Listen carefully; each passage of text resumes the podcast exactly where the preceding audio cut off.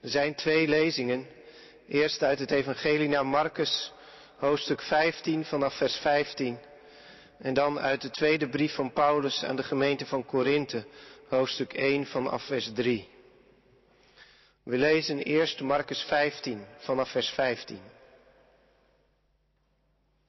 Omdat Pilatus de menigte tevreden wilde stellen, liet hij Barabbas vrij.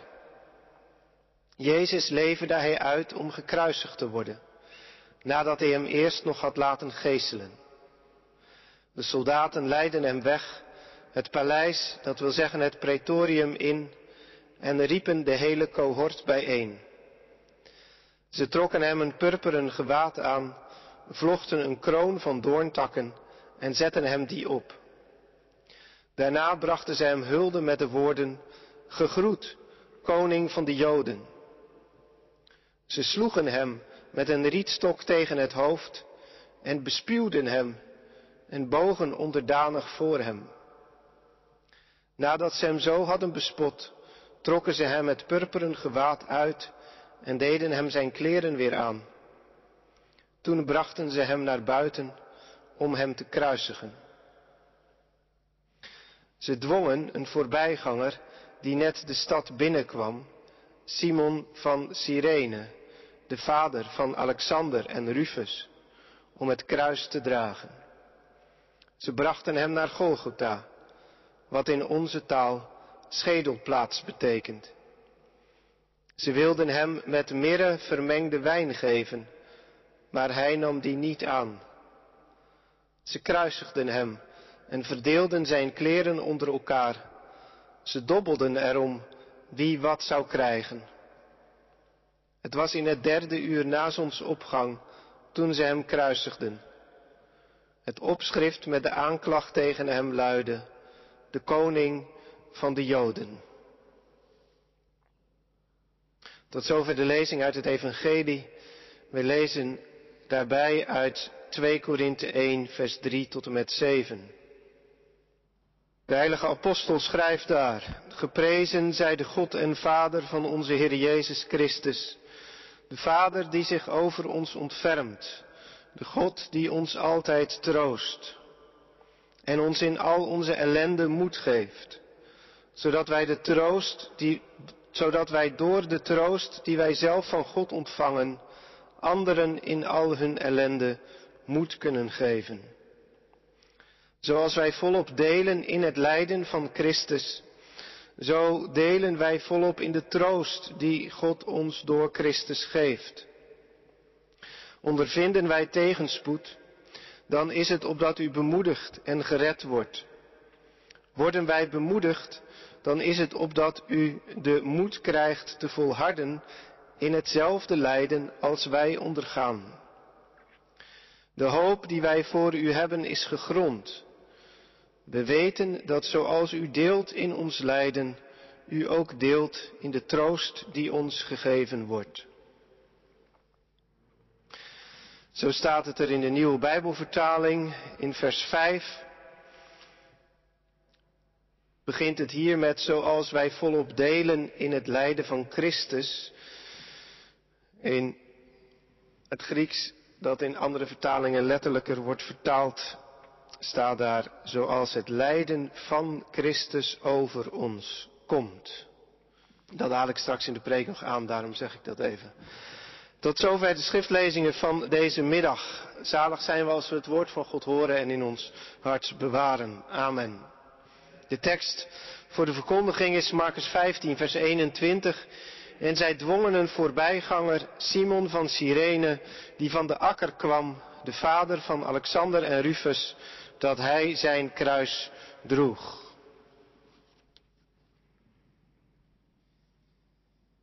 Gemeente van Christus, daar loopt de stoet Jeruzalem uit. Buiten de poort worden de opstandelingen gebracht. De drie die gekruisigd zullen worden. Buiten de poort mag de vloek hen treffen. Zoals je een vuilnisbelt en een begraafplaats buiten de stad houdt. Zo komen daar buiten de stad drie kruisen te staan. Waar de gieren boven mogen cirkelen. Normale mensen lopen daar niet meer naartoe. Alleen zij die zoveel minachting of haat of zo'n koud hart hebben gekregen, dat zij zonder met hun ogen te knipperen drie mannen kunnen zien sterven aan marteling. Nu lopen ze nog. De Romeinse bevelhebber voorop, daarachter wat soldaten, dan, dan drie misdadigers, met elk een bordje om hun nek, met de aanklacht.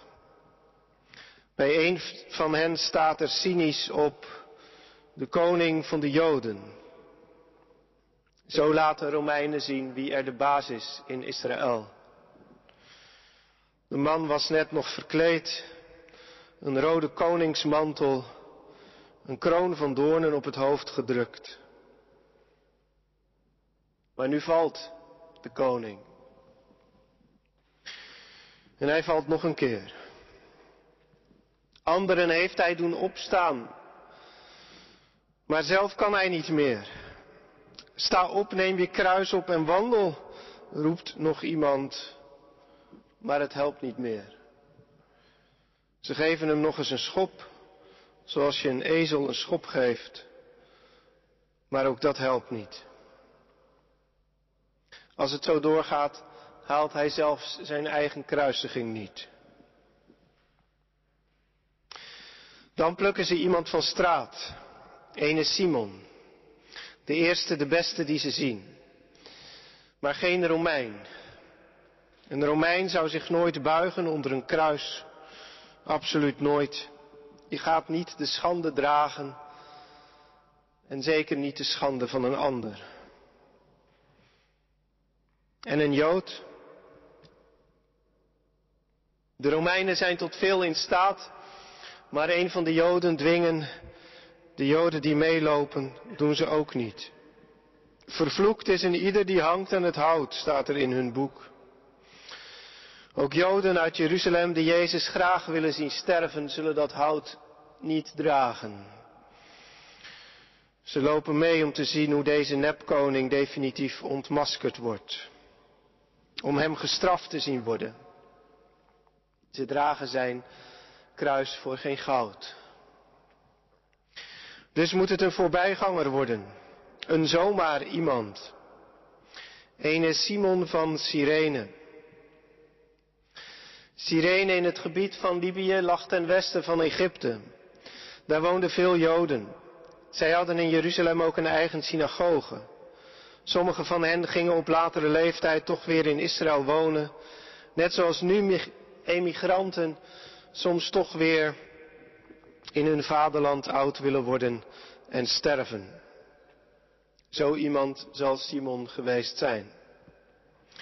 In ieder geval heeft hij nog een stuk grond, een akker bij Jeruzalem en daar komt hij vandaan. Hij wil net de stad ingaan als de stoet met misdadigers de stad uitgaat. Hij is inderdaad een voorbijganger. Dat we zeggen iemand die niet bij de volgelingen van Jezus hoort, maar ook niet bij zijn tegenstanders. Van die mensen zijn er altijd een heleboel. Dat is nog zo. Het lijkt soms wel zo dat iedereen overal een mening over heeft. Vooral in Nederland lijkt dat vaak zo. Maar de grote schare heeft juist geen mening. Toen niet en nu nog niet. Die maken zich druk om andere dingen. Die hebben een akker. Il faut cultiver notre jardin. Wij moeten onze tuin bewerken. Zo eindigt het boekje Candide van Voltaire. Dat boekje gaat over een man die opgegroeid is met de optimistische filosofie dat wij leven in de best mogelijke van alle werelden. Maar door wat hij meemaakt in zijn leven komt hij er al gauw achter dat die theorie niet deugt. De meeste mensen komen daar vanzelf achter. Filosofen hebben soms wat meer tijd daarvoor nodig. Maar zover komt Candide dan toch. En dan eindigt hij zijn boekje met te zeggen, wij moeten onze akker bewerken. Hij bedoelt daarmee de grote problemen van de wereld los je toch niet op. Ieder heeft genoeg aan zichzelf. Trek je maar een beetje terug. Terugtrekken op je eigen akker om niet aan de rest te denken. En werken op je eigen akker om niet aan de rest te denken. Sadder and wiser. Dat is het type van de voorbijganger. Niets kan hem echt meer echt raken. Nergens wil hij weer helemaal in betrokken worden. En zo kan hij ook verschijnen op godsdienstig gebied. Misschien zijn wij het diep in ons hart wel allemaal zelf. De voorbijganger is de mens zonder echte overgave. Zo'n voorbijganger is Simon. Iemand die innerlijk niet betrokken is op de zaak van Jezus. Maar er is iets met hem gaan gebeuren. Hij is een bekende figuur geworden in de vroege kerk. Dat blijkt wel uit hoe Marcus over hem schrijft. Simon van Cyrene, de vader van Alexander en Rufus, schrijft hij. We mogen wel toevoegen, je weet wel, Simon van Cyrene. Wie zeg je? Je weet wel, de vader van Alexander en Rufus. En toen dachten de lezers blijkbaar, aha, die. Lucas en Matthäus hebben die namen Alexander en Rufus niet. Dus bij hen waren ze blijkbaar niet bekend. Maar in de gemeente van Marcus wel. Blijkbaar was dit gezin daar bekend geworden. Er is dan ook iets met Simon gebeurd. Zij dwongen hem het kruis van Jezus te dragen. Dat doet wat met je. Ik heb al vaak gehoord hoeveel het mensen doet als ze bij een begrafenis de kist droegen met het gestorven lichaam. Het lijkt een kleinigheid. Ach, waarom zou je dat doen? Je kunt het ook anderen laten doen. Professionals. Maar die kleinigheid is niet zo klein. Je voelt het even zelf. De zwaarte van de kist op je schouder. Je legt hem straks in het graf. Het laatste dat je voor iemand kunt doen. Een eerbetoon. Misschien ook een liefdedaad. Zo dichtbij zal de dode hierna nooit meer zijn. Je zult hem missen. En tegelijk kan het ook een confrontatie zijn. Zo'n kist dragen. Heden ik, morgen gij. Nog even en je ligt zelf in zo'n kist.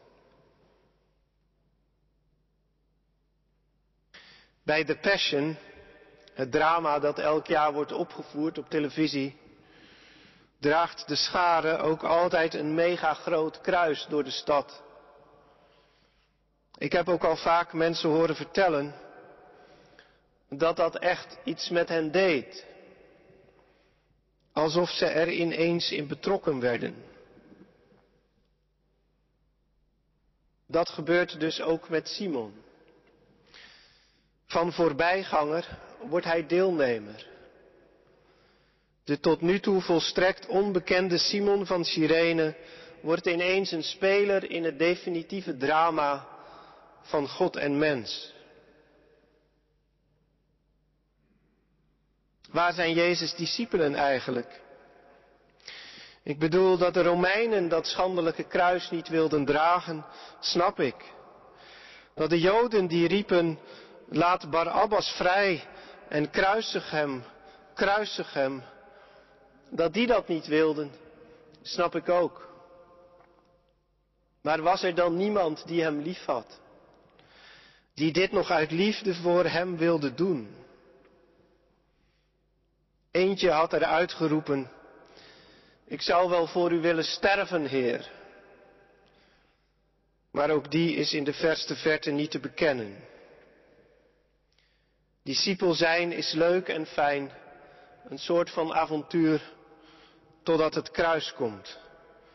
Dan zijn ze ineens gevlogen. Jezus moet het niet hebben van zijn discipelen. Hij moet het hebben van de toevallige voorbijgangers. Zo is het altijd geweest. Jezus had twaalf discipelen, toen elf en toen weer twaalf als apostelen. Maar hij had het meest aan een dertiende, die er zomaar bij kwam, die zomaar in zijn kraag werd gevat. Paulus, zo heet hij, en hij roept later uit, als hij gepikeerd is over het feit dat ze hem niet als echte apostel erkennen, in die wat boze bui roept hij uit, ik heb meer gedaan dan die twaalf apostelen samen. En hij had eigenlijk ook gelijk. Ongeluk zit in een klein hoekje. Maar geluk, gelukkig toeval, hulp ook. Hulp komt meestal uit onverwachte hoek. Dat geldt voor ons en ook voor God. Simon kwam net terug van zijn akker. Wij moeten onze akker bewerken. Wij moeten onze tuin bewerken. We hebben onze dagelijkse beslommeringen. Daarin past Jezus eigenlijk helemaal niet. We hebben onze handen vol aan onszelf. Ik heb net een vrouw getrouwd, ik heb net een akker gekocht. Je kent de gelijkenis wel. Daar komt dat akker, woord akker ook in voor, niet voor niets.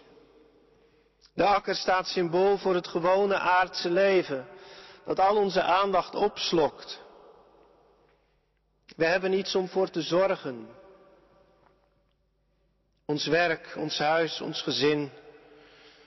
Of het nu gepaard gaat met zorgen of niet, het slokt ons in ieder geval op.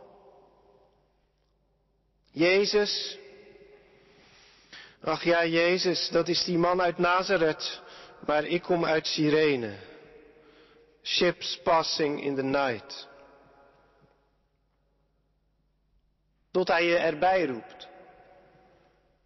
Heden moet ik in jouw huis zijn. Verlaat je netten. Ik zal je visser van mensen maken. Saul, Saul, wat vervolg je mij? En hier is het, kom en draag mijn kruis. Ja, het zijn de Romeinen wel die het zeggen, maar eigenlijk roept de Heer zelf. Simon, jij moet nu even mijn kruis dragen. Ik, ja jij. Kijk, daar loopt nu ineens die Simon met dat kruis op zijn rug. Nu moet iedereen wel denken dat hij de misdadiger is. Wat een gruwelijke vergissing als ze straks de onschuldigen voor schuldig houden. Stel je voor dat het in onze tijd was. Voor je het weet staat er een foto van Simon op de sociale media met daarbij de tekst opstandeling afgevoerd naar Golgotha. Allemaal likes en commentaar eronder. Sommigen schrijven, ik dacht het wel, dat Simon niet deugde. En een enkel emoticon met een traan.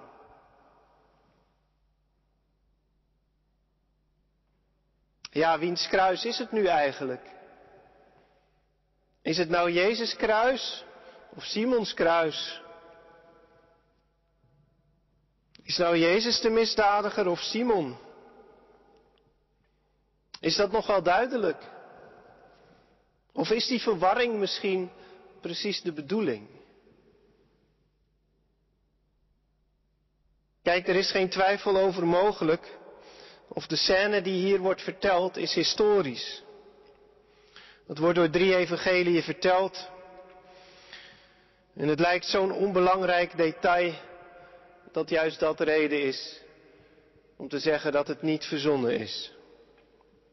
Met die namen Simon van Cyrene, Alexander en Rufus erbij, is het tegelijk zo precies dat het wel historisch moet zijn.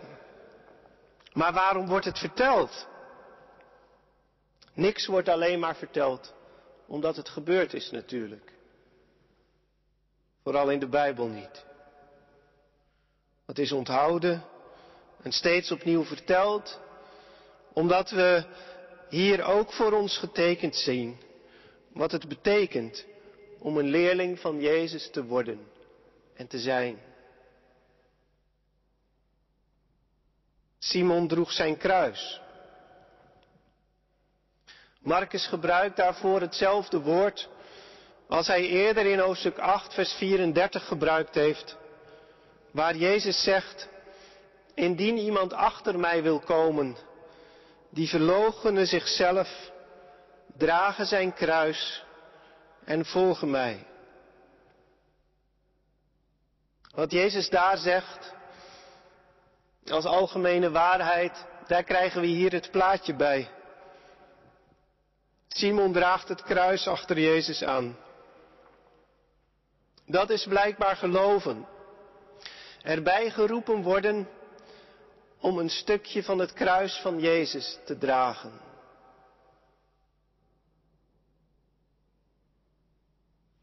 Nemen wij dan het werk van Jezus over? Spannende vraag. Het lijkt er wel op, hè? Dat hier toch op zijn minst eventjes een omgekeerde plaatsvervanging plaatsvindt. Met plaatsvervanging bedoelen we normaal, Jezus nam onze plaats in. Wij hadden de straf moeten dragen, maar in onze plaats droeg Hij de straf. Maar hier is het toch eventjes omgekeerd. Simon neemt de plaats van Jezus in. Niet helemaal. Jezus wordt straks aan het kruis geslagen. Simon ontsnapt daaraan. Maar dat gaat niet zonder voor een moment het kruis van Christus te hebben gedragen. Wat eigenlijk niet kan. Dat kruis is veel te zwaar. Maar het gebeurt toch. En het wil ons zeggen, denk daar nu maar aan. Bij het lijden waar je zelf onder geroepen wordt. Bedenk daarbij maar, nu mag ik even het kruis van Christus dragen. En dat is een eer. Bij al het lijden wat je overkomt, denk daarbij maar, nu word ik even als Simon onder het kruis geroepen. En dat is een eer.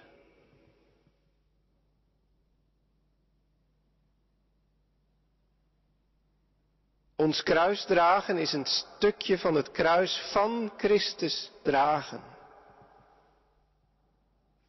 Dat betekent, er is in de wereld maar één lijden, één pijn, één verdriet. Bij het kruisdragen is het niet ieder voor zich en God voor ons allen, maar één met Christus in het ene lijden.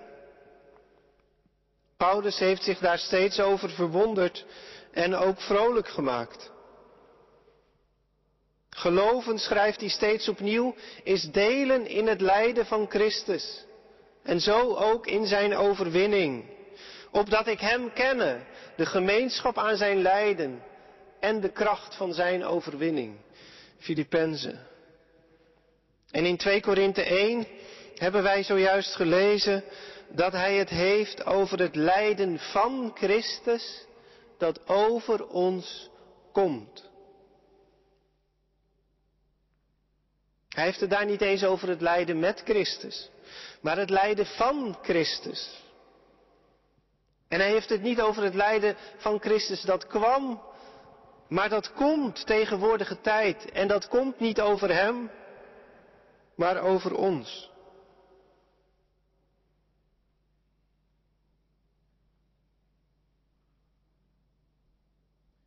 Je zou kunnen denken, dat is toch raar? Dat lijden van, van Christus, dat is toch al voorbij? Dat, is dat geen verleden tijd? Is hij niet eens en vooral gekruisigd en toen opgestaan? De Heer is waarlijk opgestaan. Maar zo verkondigt het Nieuwe Testament het niet. Het komt over ons, nu. En toch is het het lijden van Hem, van Christus. Dat duurt voort tot het einde der tijden. En christen zijn is daaraan dragen, een stukje.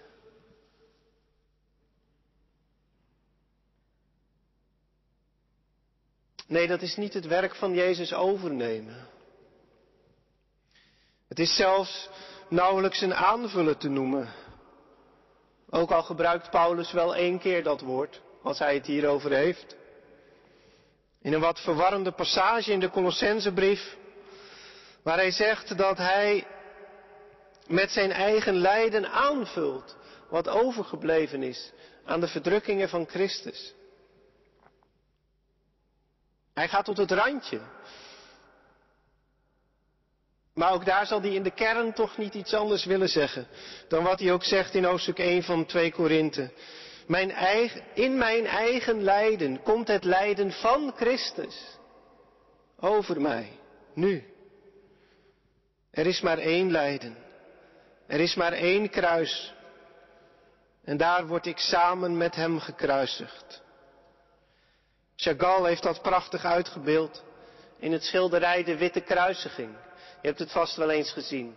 Het wit kruis van Christus in het midden, met daaromheen allemaal afbeeldingen van het lijden, vooral van het Joodse volk. Waarmee hij wil zeggen ook, zij hebben deel aan zijn lijden en hij heeft deel aan hun lijden. Er is maar één kruis. Dat is niet zomaar zo natuurlijk. Maar dat gebeurt in het geloof, wil Marcus hier zeggen. In het geloof worden we verenigd met Christus. Wat doet de Heilige Geest eigenlijk in mijn leven? Nou, dit dus. Je roepen.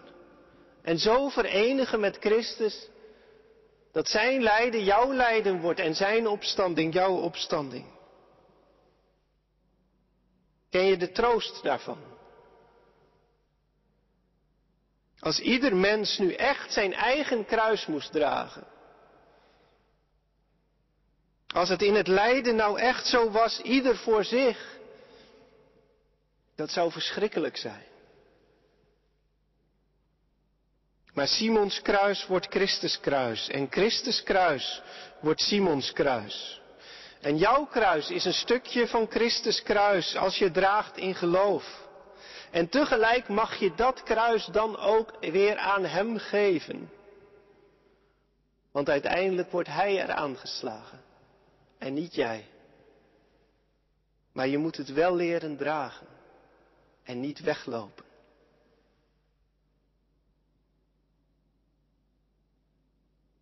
Dat is nog moeilijker als je bedenkt dat dat kruis ook is schuld. Als Simon zich buigt onder het kruis van Christus, buigt hij zich ook onder de last van zijn eigen zonde en schuld. En voelt hij wat dat weegt.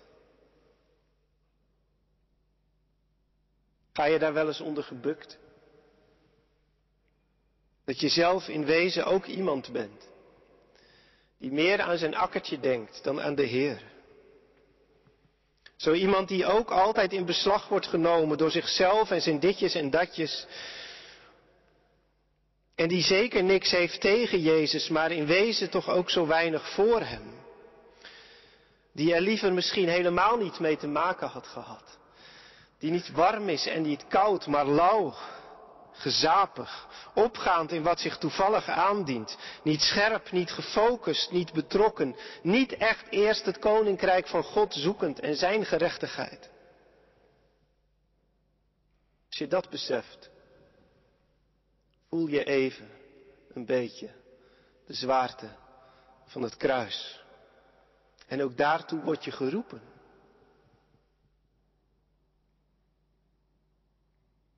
Je te buigen onder het kruis van je eigen zonde en schuld. Dan voel je even wat dat is.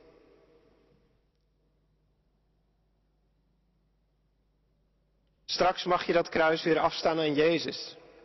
Dat moet je ook zeker doen. En dan zo snel mogelijk wegwezen. En net als Simon waarschijnlijk gedaan heeft. Het kruis bij Golgotha neergelegd. En toen als een speer naar huis.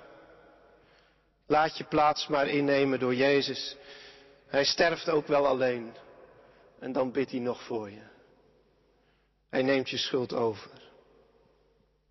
Maar niet zonder dat je gevoeld hebt wat het weegt.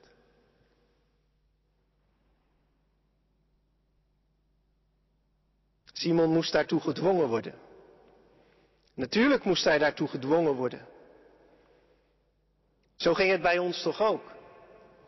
Zo gaat het bij ons toch nog steeds. Niemand gelooft voor de lol. Als geloven is. Geroepen worden onder het kruis van Jezus. Dat doet niemand voor de lol. Totdat God je bij de kraag vat. Zomaar midden in het leven. Je bij je akker vandaan roept en zegt, ik moet jou hebben. Dat is de verkiezing. Verkiezing is niet iets om hoofdpijn van te krijgen. Het is de vrolijke wetenschap dat Simon niet toevallig van de akker geroepen werd en dat niemand hier toevallig zit en dat niemand toevallig thuis zit te luisteren, maar dat God helemaal vanuit de eeuwigheid zijn hand opheft, op je schouder legt. En als God zijn hand op je legt, dan moet je komen.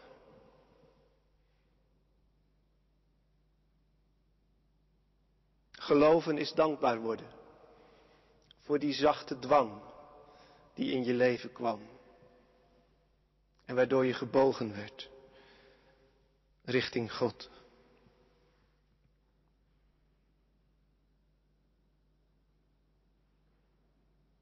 Het begint ermee dat je zegt, ach, laat Jezus zijn eigen kruis dragen. Ieder huis heeft zijn kruis, laat ieder huis zijn eigen kruis maar hebben dan. Ieder voor zich, God voor ons allen, sterkte ermee.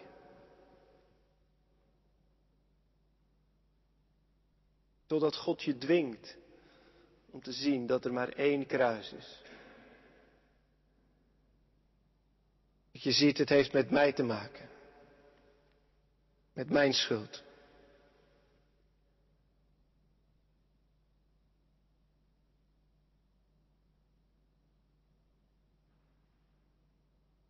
Het is dus niet Jezus een handje helpen wat hier gebeurt, maar meedoen in die schandalige optocht die Jezus kruisigt en waarover Jezus bidt, Vader vergeef het hun, want ze weten niet wat ze doen. Het is mede schuldig worden en zo worden verzoend. Het is binnenkomen in de kerk. Simon is het beeld van de kerk. Romeinen schamen zich ervoor. Het grootste deel van het Joodse volk wil er ook niks van wezen. Weten, het is Joden een ergernis en Grieken een dwaasheid. Maar er zijn voorbijgangers. Die onder het kruis worden gebracht en die het gaan zien dat het een kracht van God is. Die je weghaalt bij je obsessie met je eigen leventje. En je de ogen opent voor de eeuwigheid. Er is maar één kruis. Hij gaat waarin voorop en wij volgen. Eén geloof, één doop, één lijden, één kruis.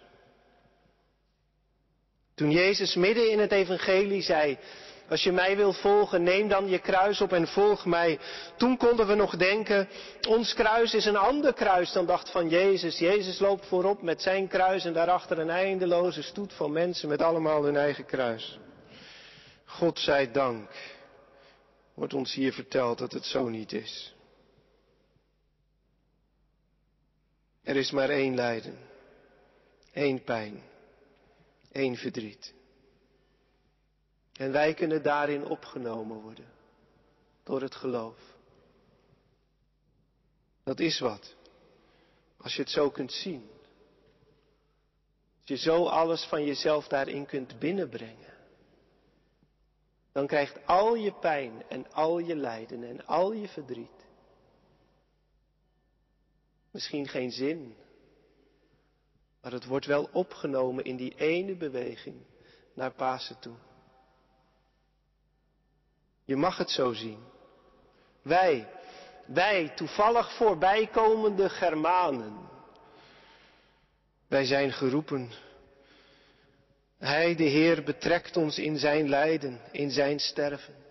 En zo zullen wij met Hem leven. Amen.